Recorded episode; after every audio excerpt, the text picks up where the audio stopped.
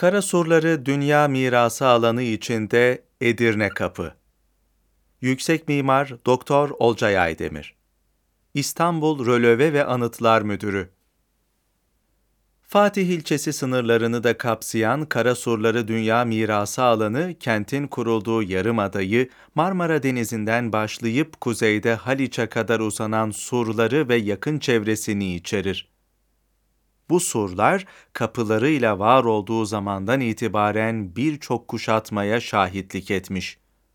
Günümüze kadar varlığını sürdürerek şehre giriş çıkışı da sağlayan önemli bir fonksiyon kazandırmıştır. Surların sınır olma, kapı olma durumu alanı fiziksel, çevresel, sosyal ve ekonomik açıdan önemli derecede etkileyen bir faktör olmuştur.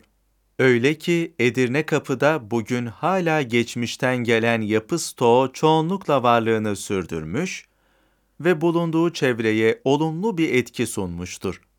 Bu bağlamda Edirne Kapı Bizans döneminde olsun, Osmanlı döneminde olsun şehrin önemli bir kapısı olmuş ve bu özelliği bölgeyi 20. yüzyıla kadar geçiş noktası yapmıştır. Edirne Kapı Meydanı etrafında bulunan tarihi yapılarla da önemli bir odak noktası konumunda olması itibariyle Fatih ilçesi için değerlendirilebilecek önemli bir potansiyele sahiptir. Bir geçiş yolu olan bu surların içinde sur çevresinde anıtsal yapılar, çeşmeler, bostanlar, dönemin sivil yapıları yer alır. Geçmişe de baktığımızda kentin şehre su getiren su kanalları Edirne Kapı'dan geçerek şehre doğru uzanmaktaydı. Bölge surlarında duvar çeşmeleri, kimi zaman sur duvarlarını beden duvarı olarak kullanan ahşap evler yer almaktaydı. Mihrimah Sultan Camii avlusu ve Ayayorgi Kilisesi onarımı sırasında kazılarda da su kanalları ortaya çıkmıştır. Geçmişten günümüze uzanan tarihi dokunun en önemli parçalarından biri olan bu bölge hem Haliç'e hem de İstanbul'un önemli bir silüetini oluşturan Eyüp semtine bakan bir yamaç üzerinde İstanbul'un 6. tepesinde yer alır. Coğrafi olarak bu konumu gerek Bizans dönemi gerekse Osmanlı döneminde bölgenin önemli olmasını sağlamış ve bu durum günümüze dek sürmüştür. Söz konusu bölgenin bu denli önemli olmasında hiç şüphesiz Bizans döneminde Tekfur Sarayı, Kariye'nin bu bölgede olması, Mihrimah Sultan Camisi'nin konumunun burada seçilmiş olması da etkilidir. Genel olarak İstanbul'un topografik yapısına baktığımızda Yeditepe'li şehrin 6. tepesinin burada olması, önemli bir yapının da burada seçilmesi tesadüf olmasa gerektir. Bugün çevrede 19. yüzyılın sivil yapı örneklerinin doğal sokak dokusunun hamam ve çeşmelerinin hala kısmen özgünlüğünü sürdürdüğünü söyleyebiliriz. Surlara dayalı evlerin 20. yüzyıl başlarına kadar varlığını sürdürdüğü görülmektedir. Anıtsal yapıların yanında ahşap Türk mimarisinin en güzel örneklerini sergileyen Edirne Kapı bölgesinde özellikle Kariye Camii ve çevresi günümüzde hala turistik açıdan çok ilgi çeken bir alandır. Çelik Gülersoy'un alana yaklaşımı 1996 yılında İstanbul'da gerçekleştirilen Habitat 2 organizasyonu ve İstanbul 2010 Kültür Başkenti Ajansı projelerinin alana katkısı, bölgenin uzun süre ekonomik bir canlılıkla kentin çekim merkezi olmasını sağlamıştır.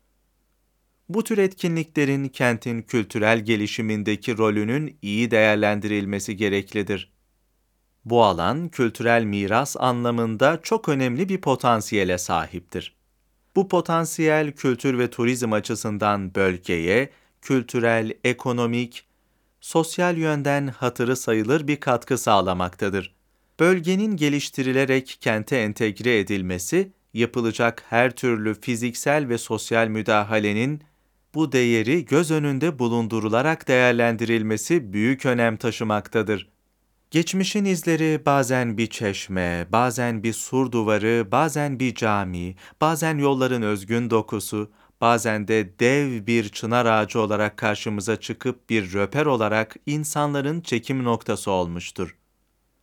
Meydana hakim konumdaki alan, semtin önemli faaliyetlerinin gerçekleştirileceği bir konumdadır. Meydan ve çevresinin tescilli sivil yapılarının iyileştirilmesi sosyal ve ekonomik canlılığı beraberinde getirecektir.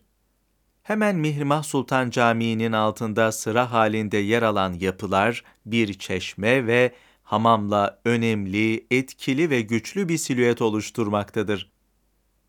Caddeye bakan bu silüetin fiziksel ve doğru fonksiyonlarla iyileştirilmesi, tıpkı Mihrimah Sultan Camii, Ayayorgi Kilisesi ve Meydan Parkı düzenlemesinin yarattığı gibi etki bırakarak aslında bütünsel bir iyileşmenin tamamlayıcısı olacaktır.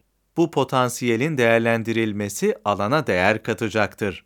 Restorasyon çalışmaları tamamlanan Mihrimah Sultan Camii ve Ayayorgi Kilisesi'nin bölgeye canlılık getirmesiyle meydana ilgi artmış, Fatih Belediyesi'nce yapılan düzenleme ile insanların dinlenme ve uğrak yeri olmuştur.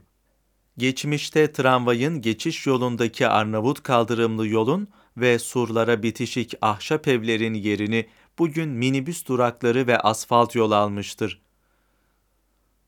Surlar açığa çıkarılarak görünür kılınmış olsa da, yol dokusunun özgün hale getirilerek iyileştirilmesi, surların onarılması ve minibüs duraklarının başka bir yere alınarak meydanın daha yaşanır, daha görünür kılınması olumlu olacaktır. Bir sur, bir cami, bir kilise üçgeninde yer alan bu alan, UNESCO Dünya Mirası alanı içinde önemli bir çekim alanıdır. Sulu Kule Sanat Akademisi'nin hemen yanı başında yer alan meydanın, ileride yapılacak aktivitelere ev sahipliği yapacağı düşünüldüğünde, semt için bu meydan daha da değer kazanmaktadır. Bir alandan beklediğimiz fiziksel, sosyal, ekonomik tüm kriterleri taşıyan bölgenin ufak dokunuşlarla kent hayatına katılması oldukça önemlidir sahip olduğu canlılıkla odak noktası haline gelebilecek meydan bu potansiyele sahiptir. 1934'lerden sonra modernleşmenin getirdiği yeni arayışlardan, değişim ve dönüşümlerden ve teknolojik olanakların artmasından sonra betonarme yapıları olan ilginin artması bölgeyi etkilese de tarihi alan büyük ölçüde korunmuştur bölgenin dünya miras listesine kabul edilmesinden sonra gördüğü ilgi artmış olsa dahi, özellikle sivil mimari mirasın iyileşmesi bütünsel bir noktaya ulaşmıştır. Elbette özellikle anıtsal yapıları koruma çalışmalarıyla başlayan canlanma, sivil yapılar, altyapı gibi kentin diğer bileşenlerini de etkisi altına almıştır. Kentsel koruma çalışmalarında anıtsal yapıların röper olması ve bu çalışmaların anıtsal yapı çevresini olumlu etkilemesi, koruma eyleminin nasıl da bulaşıcı bir etkisi olduğunu açıkça ortaya koyan önemli bir parametredir. Bu nedenle koruma çalışmalarının hızlandırılması alanı iyileştirecektir. Ancak sadece fiziksel müdahale değil, yapılara verilecek doğru fonksiyonlar da çalışmaların önemli bir parçası olmalıdır. Birçok tarihi kentte meydanlar, surlar, yapılar kentin bir sahnesi olup festivallerle yaşayan canlı alanlar haline getirilmektedir. 2015 yılı Haziran ayında bir festivale ait basit duyuru totemlerinde görüldüğü gibi meydan aktiviteleri duyuruları bulunduğumuz noktayı gösterip sizi aktivite meydanlarına yönlendirerek hem kentin müzelerinden geçirmekte hem de pratik rotalar sunmaktadır. Bu sayede tarihi kentler çeşitli aktivitelerle daha canlı ve kolay gezilebilir hale gelmekte, basit planlamalarla kentliler yönlendirilebilmektedir. Yerel yönetimlerin desteklediği, üniversitelerin, STK'ların katılımının olduğu festivaller, etkinlikler, kent için etkin gelişme faaliyetleri olmaktadır. Bu nedenle günümüzde yapılan koruma çalışmalarında fiziksel çalışmaların yanında sosyal faktörleri de göz önünde bulundurmak bu açıdan önem taşımaktadır. Bu faaliyetleri içerecek modern zamana uyan yeni yasalar, yönetmelikler, tarihi kentlerde koruma uygulamalarına yönelik kentsel politikalar gelişmesine ve kentsel ölçekte daha başarılı çalışmalara kapı açmaktadır.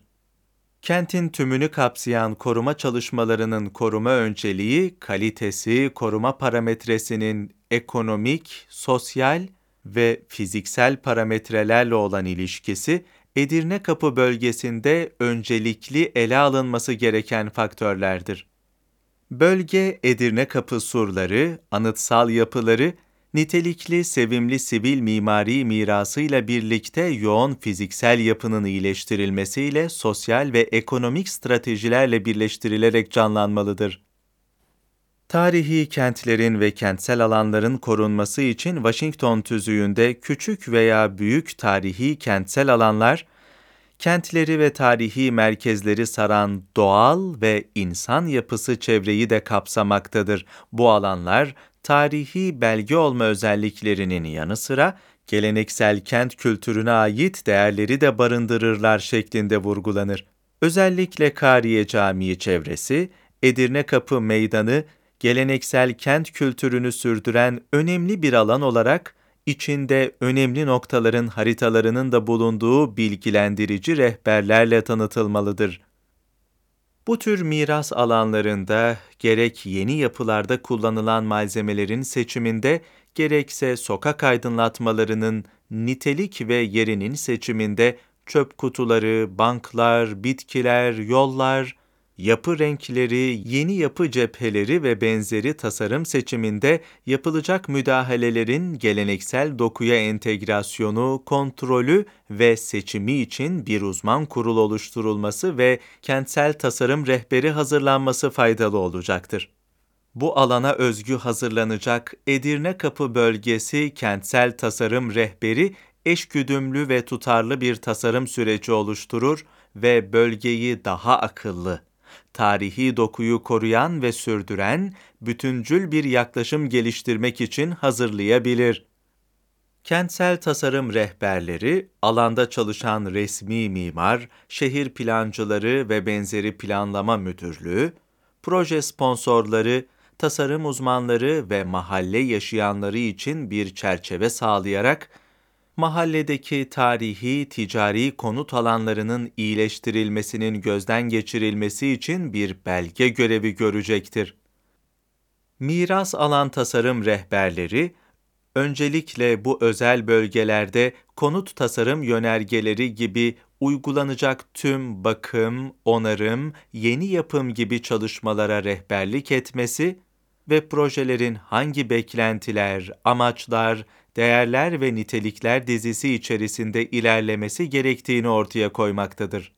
Korumanın sürdürülmesi ve kente estetik bir entegrasyon ancak özen gösterilmiş çalışmalarla sağlanabilir. Geçmişin kent dokusu belki de yeniden düşünülmeli, hiçbir şehrin, bölgenin, yapının tesadüfi oluşmadığının farkındalığı artırılarak, Edirne Kapı surları, anıtsal yapıları, sivil mimari mirası ve yeni yapılarıyla doğası, yolları, kent mobilyalarıyla bir bütün olarak düşünülerek kente katılmalıdır.